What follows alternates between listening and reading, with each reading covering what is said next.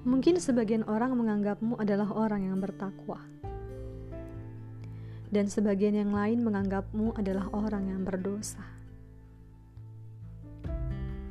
Akan tetapi, kenyataannya kamu lebih tahu tentang dirimu sendiri. Satu rahasia yang tidak diketahui orang lain adalah rahasia hubunganmu dengan Tuhanmu maka orang yang membencimu itu tidak membahayakanmu. Dan orang yang memujimu itu tidak akan memperdayaimu. Karena kenyataan mengatakan manusia itu lebih tahu tentang dirinya sendiri. Maka jangan pernah berharap cinta dari manusia. Karena hati manusia itu berubah-ubah. Bisa jadi hari ini ia mencintaimu.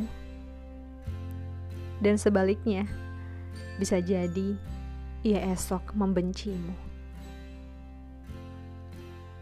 Maka berharaplah untuk mendapat cinta Tuhan seluruh manusia.